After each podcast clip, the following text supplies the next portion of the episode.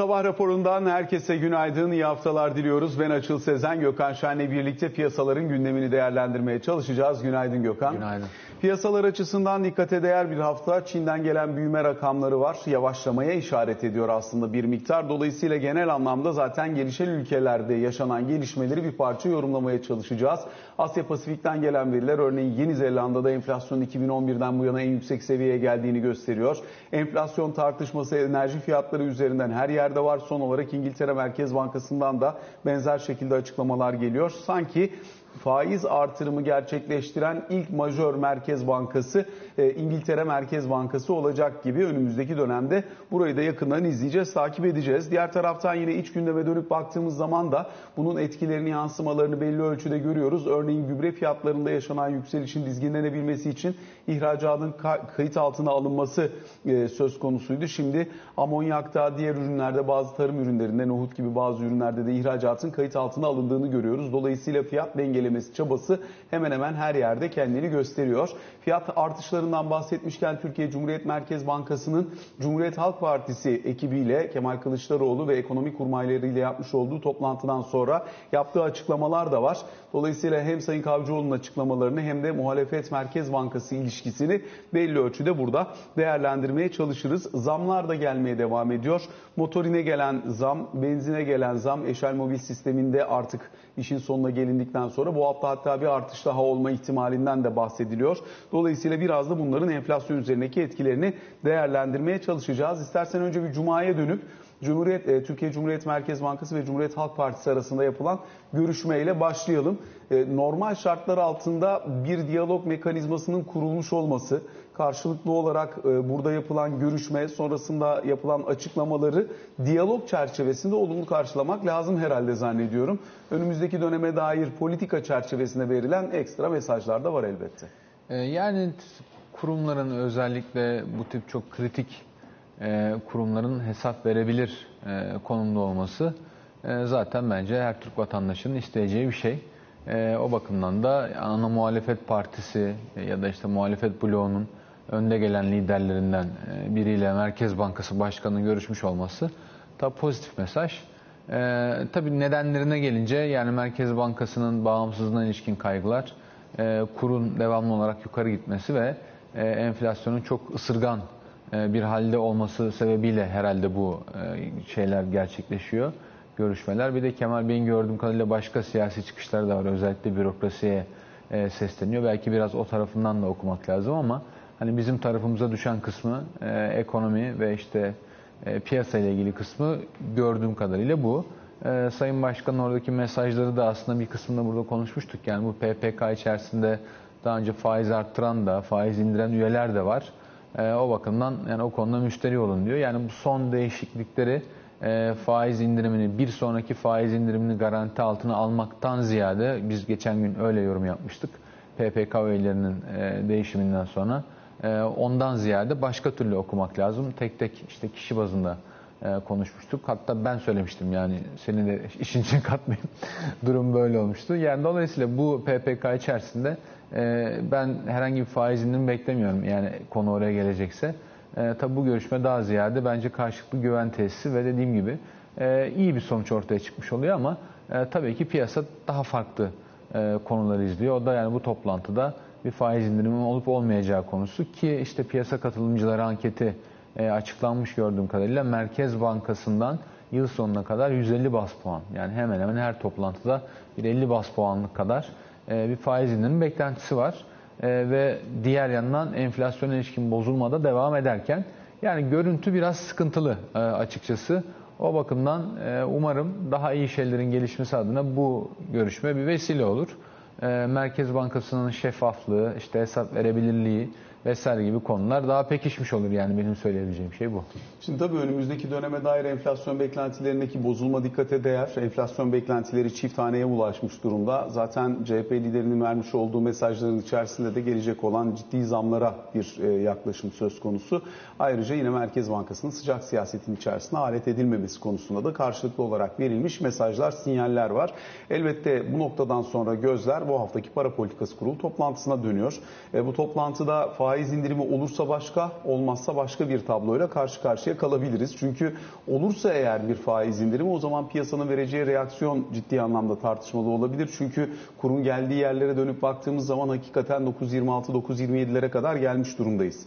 Diğer taraftan eğer yapılmayacak olursa bu sefer neden bu ilk faiz indiriminin 100 bas puanlık faiz indiriminin yapıldığı önümüzdeki döneme dair e, bu kadar ciddi bir maliyet çünkü işte 2-2,5 puan kadar bono faizlerinin yukarı kaydığı, kurun işte 1 lira 10 kuruş kadar yukarı gittiği bir sonuçla karşı karşıya kalındı.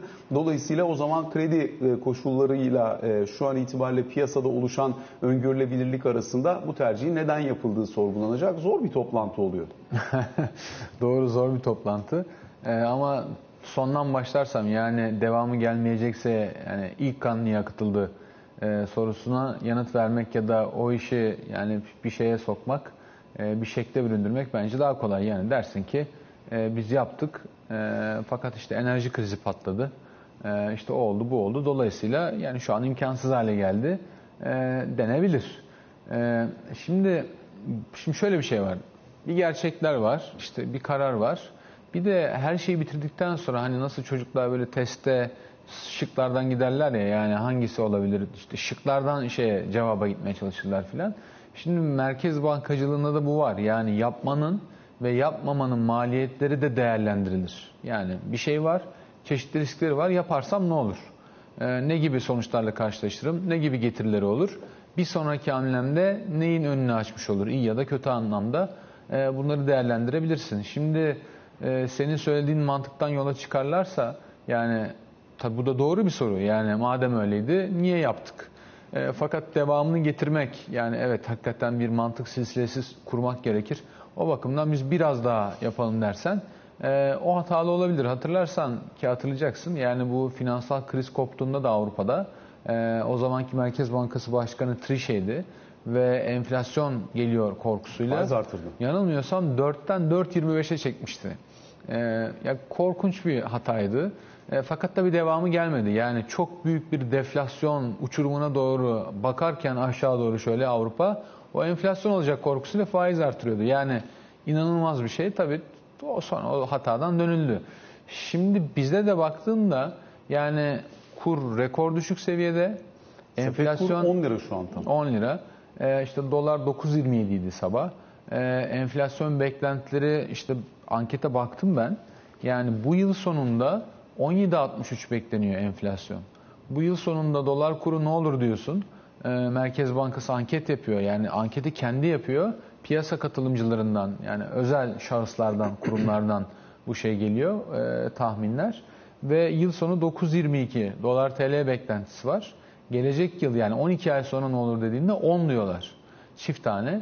Şimdi bu çift tanenin daha önce de konuştuk ama yani bunun bence politik sonuçları falan da var. Yani 7, 8, 9 başka 10 başka hatta oradaki matematik harmonisini de e, burada konuşmuştuk. Yani 2'den 3'e gitmesi, 3'ten 4'e gitmesiyle 7, 8, 9'a gitmesi yüzdesel farklılıklar çok daha azalarak kopuyor. Böyle riskler de var.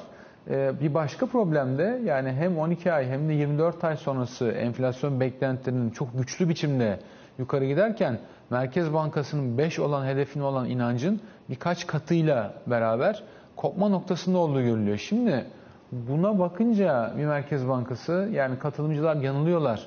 Mutlaka tahminlerini geri çekerler. İşte buradaki arizi faktörlerden ötürü filan deyip bir daha indirime giderse o zaman beklentiler büyük ihtimalle daha da fena kopacaktır. Şimdi bu beklentiler tabii sadece ankete yanıt verenlerin hani paralel bir dünyada işte durup dururken ürettikleri bir sanal gerçeklik değil.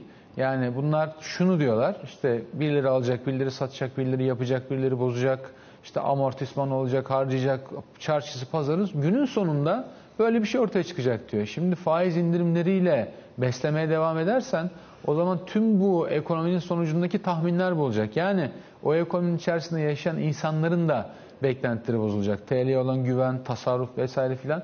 Yani o bakımdan e, ben işlerin çok çok problemli bir noktaya geldiği e, kanaatindeyim. Mutlaka herkes çarşıya, pazara gidiyor, insanlarla konuşuyor. Yani gerçeklik bu değil, onu söyleyebilirim. Hakikaten yani dünya burada değil. Yani hani orada oturdum ankete şu cevabı verdim ben bunu yok öyle bir şey. Yani fiyatlar gerçekten e, kopma noktasında. Bir de şu da var. Hane halkının hissettiği, yaşadığı başka bir şey. Diğer taraftan tabii ekonomistler de e, normalde burada verdikleri tahminler bir şey gösteriyor. Yani bunlar da diğerlerin ekonomisti.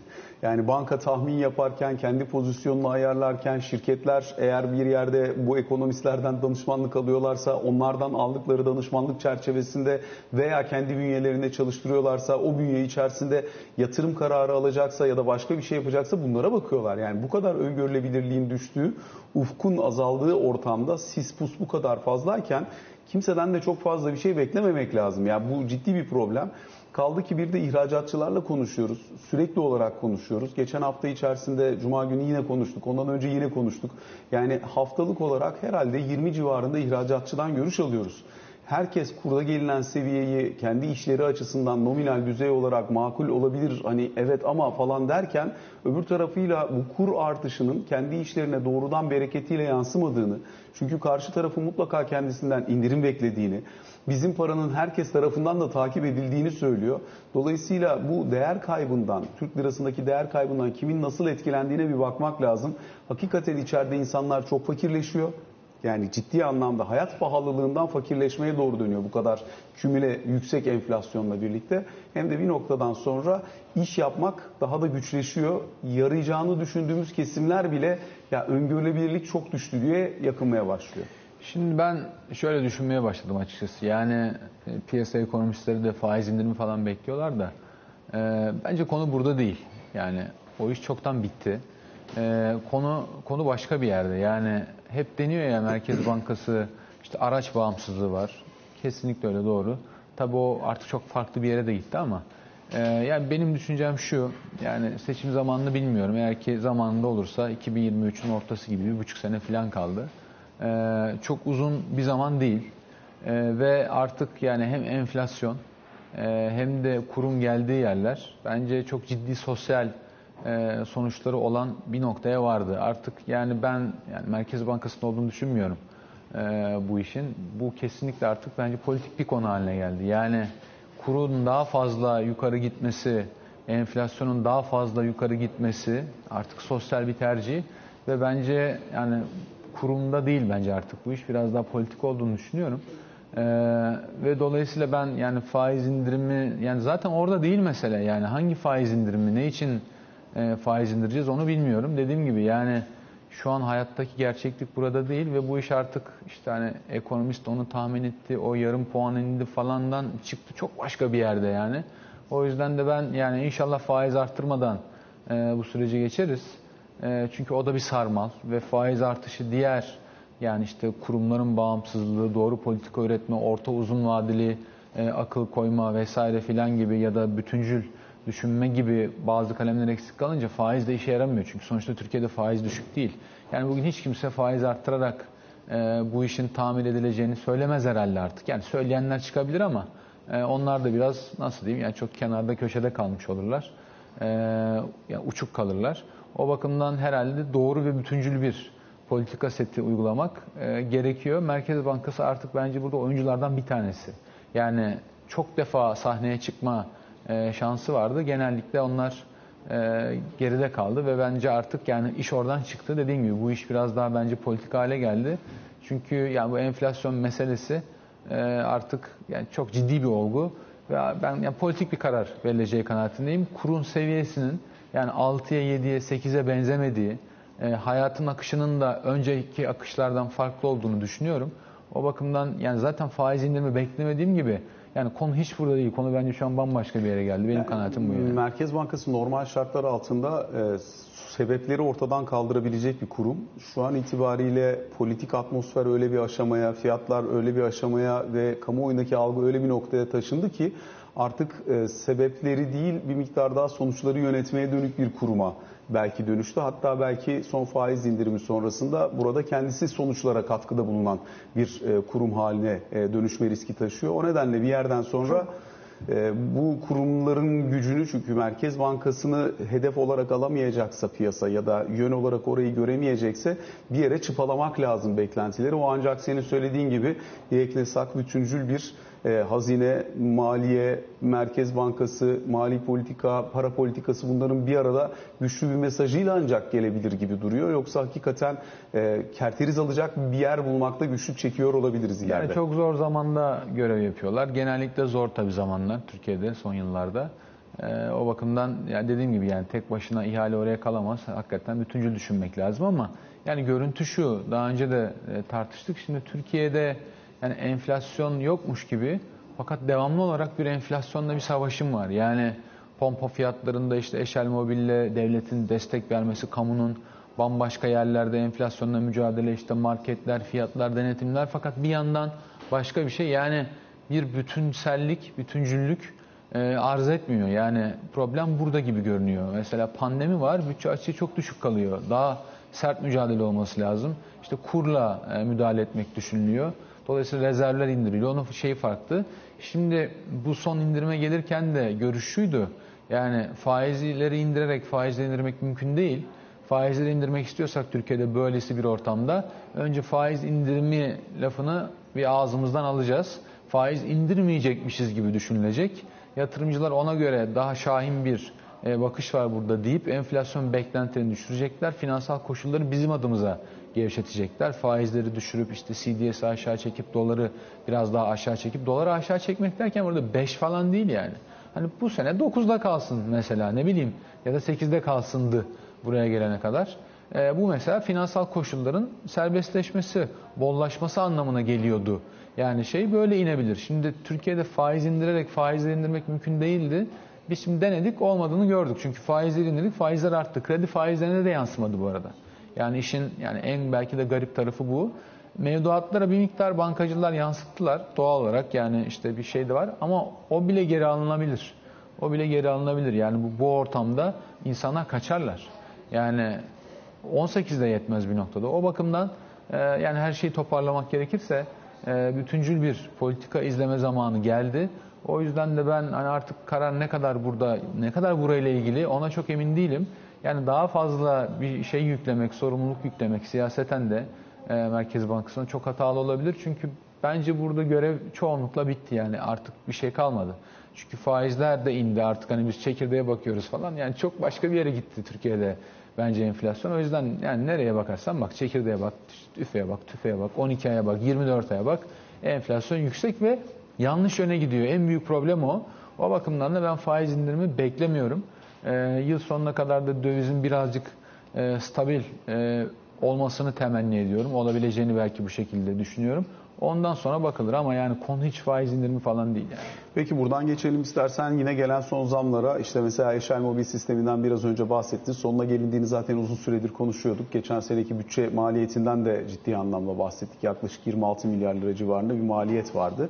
Dolayısıyla şu an itibariyle artık gelen bu petrol fiyatları artık kur e, yükselişinden dolayı ki bu arada 86 dolara yaklaşıyor mesela Brent petrol bir kez daha. E, kur da buralarda olunca ister istemez sıklıkla zam gelmeye devam ediyor.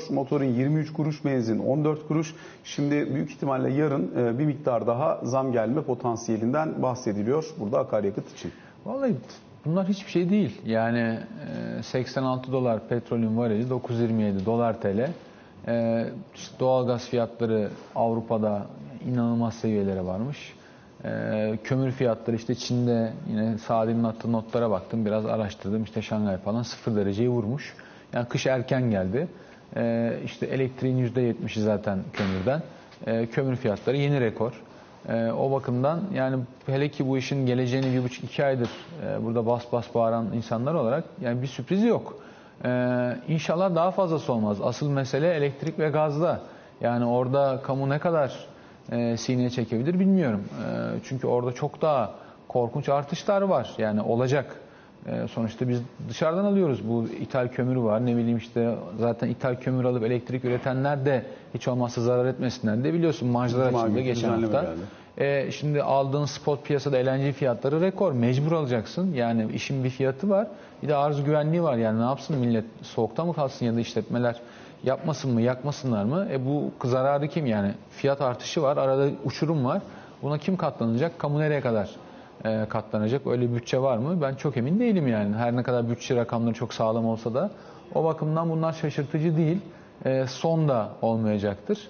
E, yani buna hazırlanacağız. Kış böyle geçecek. Tüm dünyada bunlar var. Her yerde %30-40 zamlar başladı. Düşün yani yurt dışında e, bir enflasyonun olduğu ülkelerde 30-40 puan enerji zammı görmeye başladılar. Az buz mesele değil. E, navlun fiyatı da böyle. E, ya korkunç yüksek. Yani ne kadar ufak tefek çözülmeler olsa da e, tepelerden. Şimdi alışveriş mevsimi geliyor. Daha da e, coşacak ortalık. E, Limanlar emtia- falan da çalışamıyor. bu. Limanlarda problem var. Emtia fiyatları çok yüksek. Yani bunları söylemek zorundayım. Bunlar olan şeyler. Bunlar iki aydır e, anlatıyoruz. Daha hiç kimse e, belki farkında değilken. O yüzden bunlar sürpriz değil. E, yani zor bir kış bizi bekliyor. Yani hele ki bu yüksek enflasyonla hakikaten zor bir kış bizi bekliyor. E, çok ince e, iş yapmak gerekecek, sanat yapmak gerekecek. E, öyle bir zamandayız yani. Petrol bu 90 dolara doğru gidiyor benim gördüğüm kadarıyla. Çünkü OPEC'ten hiç tık yok. Yani onlar da herhalde uzun süre sonra para kazanıyorlar. ilk defa bütçeleri denkleştiriyorlar diye ses etmiyorlar. Sessizce fiyatların oraya gitmesini bekliyorlar. Ben 90 üstünü beklemiyorum e, açıkçası ama 90 bekliyorum yani 86'ya kadar da geldi. Bu arada mesela işte Çin'den bugün büyüme verisi geldi. Büyüme verisi aslında çeyrekten çeyreğe Çin ekonomisi sadece 0.2 büyümüş yani neredeyse büyümemiş denilebilir. Büyümemesinin perde arkasında yatan gerekçeler de aslında bunlar. Mesela elektrik kesintilerinin sanayiye yapmış olduğu ciddi baskı var. Ayrıca yine yatırım kaleminde yaşanan ciddi düşüşler var. Bu da öngörülebilirlik ve özellikle tedarik zincirinde yaşanan kırılmalardan dolayı e, ciddi anlamda geri geldiğini gösteriyor.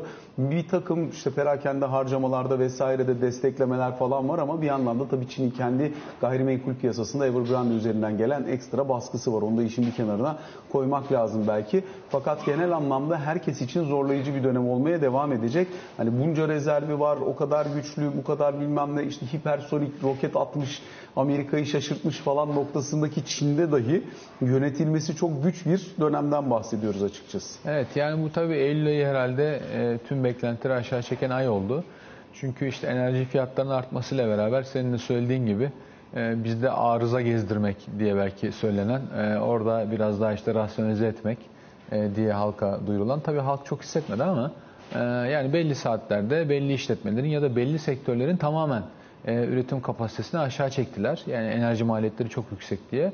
E, o bakımdan da e, bunun çok etkisi oldu. Tabii ana e, darbe herhalde şeyden geldi yani Evergrande ve konut sektöründen geldi. Çünkü konut satışları yani zaten düşmüştü üstüne %16 daha düşmüş. E, burada çok ağır bir sıkıntı var. Yani başka bir ülkede olsa şu an yani çok net söylüyorum kriz çıkmıştı ve biz onu konuşuyorduk. Yani nerelere yayıldı, kimler kredi verdi, o bölge ne olacak? Yani işte diyelim ki Doğu Avrupa'da bir. Doğu Avrupa'da emlak fiyatları ne kadar düşeri konuşuyorduk. Yani çok çok büyük bir olay. Ama Çin'de olduğu için e, kendi işlerinde emilip yani sündürüleceğini e, düşünüyorduk. Şu ana kadar öyle oluyor. Fakat durum hakikaten problemli. Yani çok uzatmadan söyleyeceğim. İnsanlar gidip maketten beğenip alıyorlardı. E, bu işletmelerde o paralarla yenilerini dikip yenilerini satıyorlardı o binaların. E, fakat da model zarar gördü. Çünkü insanlar paranın %100'ünü veriyorlardı. Devlet gibi görüyorlardı. E, fakat gördüler ki en büyük ki işte Çin'in yani en büyüklerinden e, o bile patlayabiliyor. E, o bakımdan da şimdi burada satışlar durdu. İnsanlar geri çektiler kendini. Fiyatlar daha düşer mi ya da konutumu alabilir miyim e, filan diyerek. Bir de tabii e, korkmaya başladılar. E, bu şirketlerin şimdi şeyleri yükseldi. E, riskleri yükseldi. Faizler yükseldi.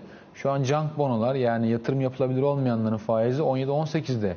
Çin'de bunlar öyle çok da döndürülebilir seviyeler değil. O bakımdan kendi içlerinde e, bir kriz yaşıyorlar. E, ve fakat zamana yayarak atlatmaya çalışıyorlar. O yüzden de milli hasta rakamları sürpriz değil. E, yani işin tüketim tarafı falan iyi, çok büyük bir problem yok ama işte yatırımlar, o da herhalde gayrimenkul sektöründen kaynaklanıyor. Ben de biraz şöyle bir göz ucuyla bakabildim.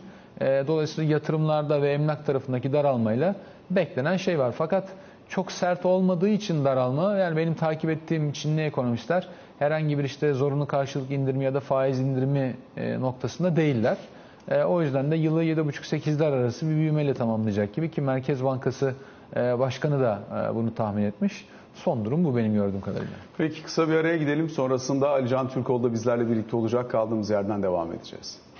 Sabah raporunun ikinci bölümüyle karşınızdayız. Ali Can Türkoğlu da bizlerle birlikte. Ali Can günaydın. Günaydın, İyi haftalar. Özellikle meclisin bu haftaki gündemiyle bir hızlıca başlayalım istersen. Bir yandan da bütçe geliyor tabii. Evet, şimdi çarşamba günü bütçe maratonu resmen başlayacak. Cumhurbaşkanı Yardımcısı Fuat Oktay'ın Plan Bütçe Komisyonu'na sunumu var. Ee, sonra bir hafta ara verilecek, bir hazırlık süresi verilecek. Sonrasında 26 Ekim Salı günü bütçenin geneli üzerinde görüşmeler başlayacak. Bu aradaki bir haftada başka bir şey görüşülüyor mu?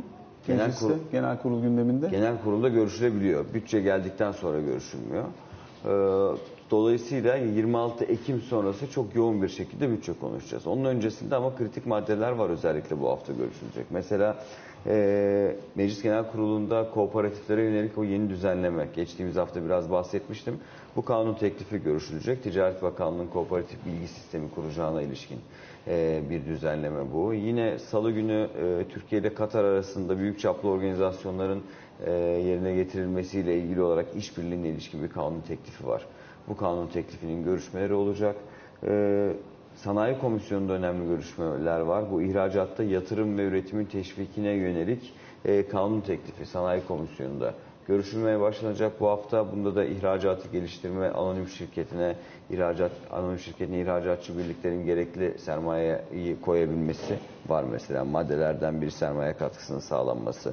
Bir diğeri Türkiye İhracat Kredi Bankası ile ilgili olarak kamu bankalarının hali hazırdaki hali hazırda kamu bankalarına tanınan tüm istisna ve muafiyetlerin burada olmasına ilişkin olan madde de var. Dolayısıyla Sanayi Komisyonu'nda da bu kritik e, kanun teklifi görüşülecek. ihracatta yatırım ve üretim teşvikine yönelik kanun teklifi. E, onun dışında da grup toplantıları var zaten. AK Parti grubu dışında Cumhurbaşkanı Afrika turunda bilindiği gibi. Dolayısıyla AK Parti grubu olmayacak. Ama diğer grup toplantıları gerçekleştirilecek. Muhtemelen bu grup toplantılarında da e, Cumhuriyet Halk Partisi Genel Başkanı e, Kemal Kılıçdaroğlu'nun bürokratlara yönelik çağrısı ve e, bu çağrıya AK Parti'den ve Cumhurbaşkanı Erdoğan'dan gelen cevap çok yoğun bir şekilde tartışılacaktır. Çünkü e, Cumhuriyet Halk Partisi de e, ittifaktaki e, ortağı olan İyi Parti'de anladığımız kadarıyla bu bürokrat çağrısına devam edecek gibi gözüküyor. Yani 18 Ekim bugün itibariyle bir milattır. Bundan sonra iktidarın hukuksuz isteklerine, taleplerine cevap vermeyin, bunları uygulamayın yönünde bir çağrıda bulundu. Ee, Sayın Kılıçdaroğlu, e, Ömer Çelik'ten, AK Parti Sözcüsü'nden ve Cumhurbaşkanı Erdoğan'dan da bu çağrıya çok sert cevaplar geldi. Yani vesayet rejiminin bir e, göstergesidir veya vesayet isteminin bir göstergesidir. Yani muhtemelen iç siyasette bu e, konular yani bütçeye kadarki konu ve zaten sistem tartışmaları devam ederken bir de bürokratlara yönelik bu çağrı çok yoğun bir şekilde konuşulacak, tartışılacak diye düşünüyorum.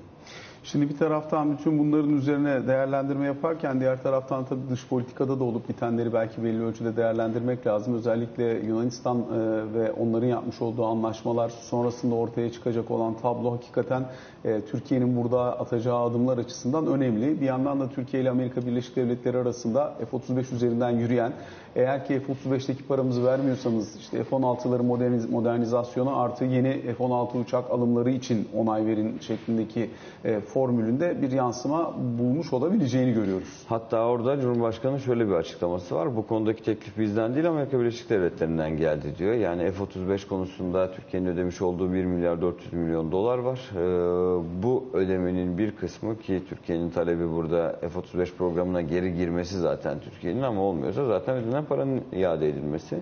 Bu noktada e, Amerika Birleşik Devletleri'nden F-16'larla ilgili teklifin geldiğini söylüyor Cumhurbaşkanı Erdoğan. Yani yeni F-16'ların alınması, filoya eklenmesi ve mevcut F-16'ların da modernizasyonunun yapılmasıyla ilgili olarak. Dolayısıyla bu konuyla ilgili ben Amerika'dan da e, bir açıklama geleceğini düşünüyorum. Cumhurbaşkanı'nın teklif Amerika Birleşik Devletleri'nden geldi açıklaması sonrası. Çünkü bilindiği gibi orada özellikle askeri harcamalarda veya askeri anlaşmalarda onay gerekiyor ve bu noktada Türkiye'nin işte S-400 alımından kaynaklı olarak kongreden e, senatodan, kongreden zaten Türkiye aleyhine birçok yasa tasarısı olduğu yaptırımlarla ilgili olduğu da biliniyor. Dolayısıyla böyle bir teklifin Amerika Birleşik Devletleri'nden gelmesi, Türkiye'nin kabul etmesi durumunda onaylandığı anlamına da gelmiyor. Bu noktada muhtemelen Amerika Birleşik Devletleri'nden açıklama gelecektir.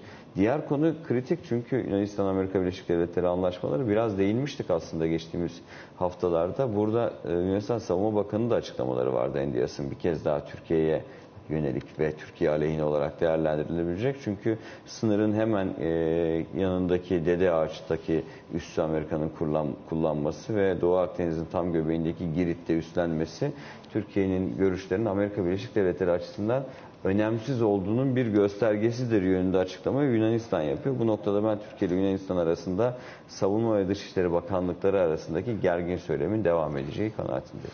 Teşekkür ediyoruz Ali Can. Böylelikle sabah raporunun da sonuna gelmiş oluyoruz. Kısa bir aranın ardından Pelin Yantur yatırım bülteniyle karşınızda olacak. Hoşçakalın.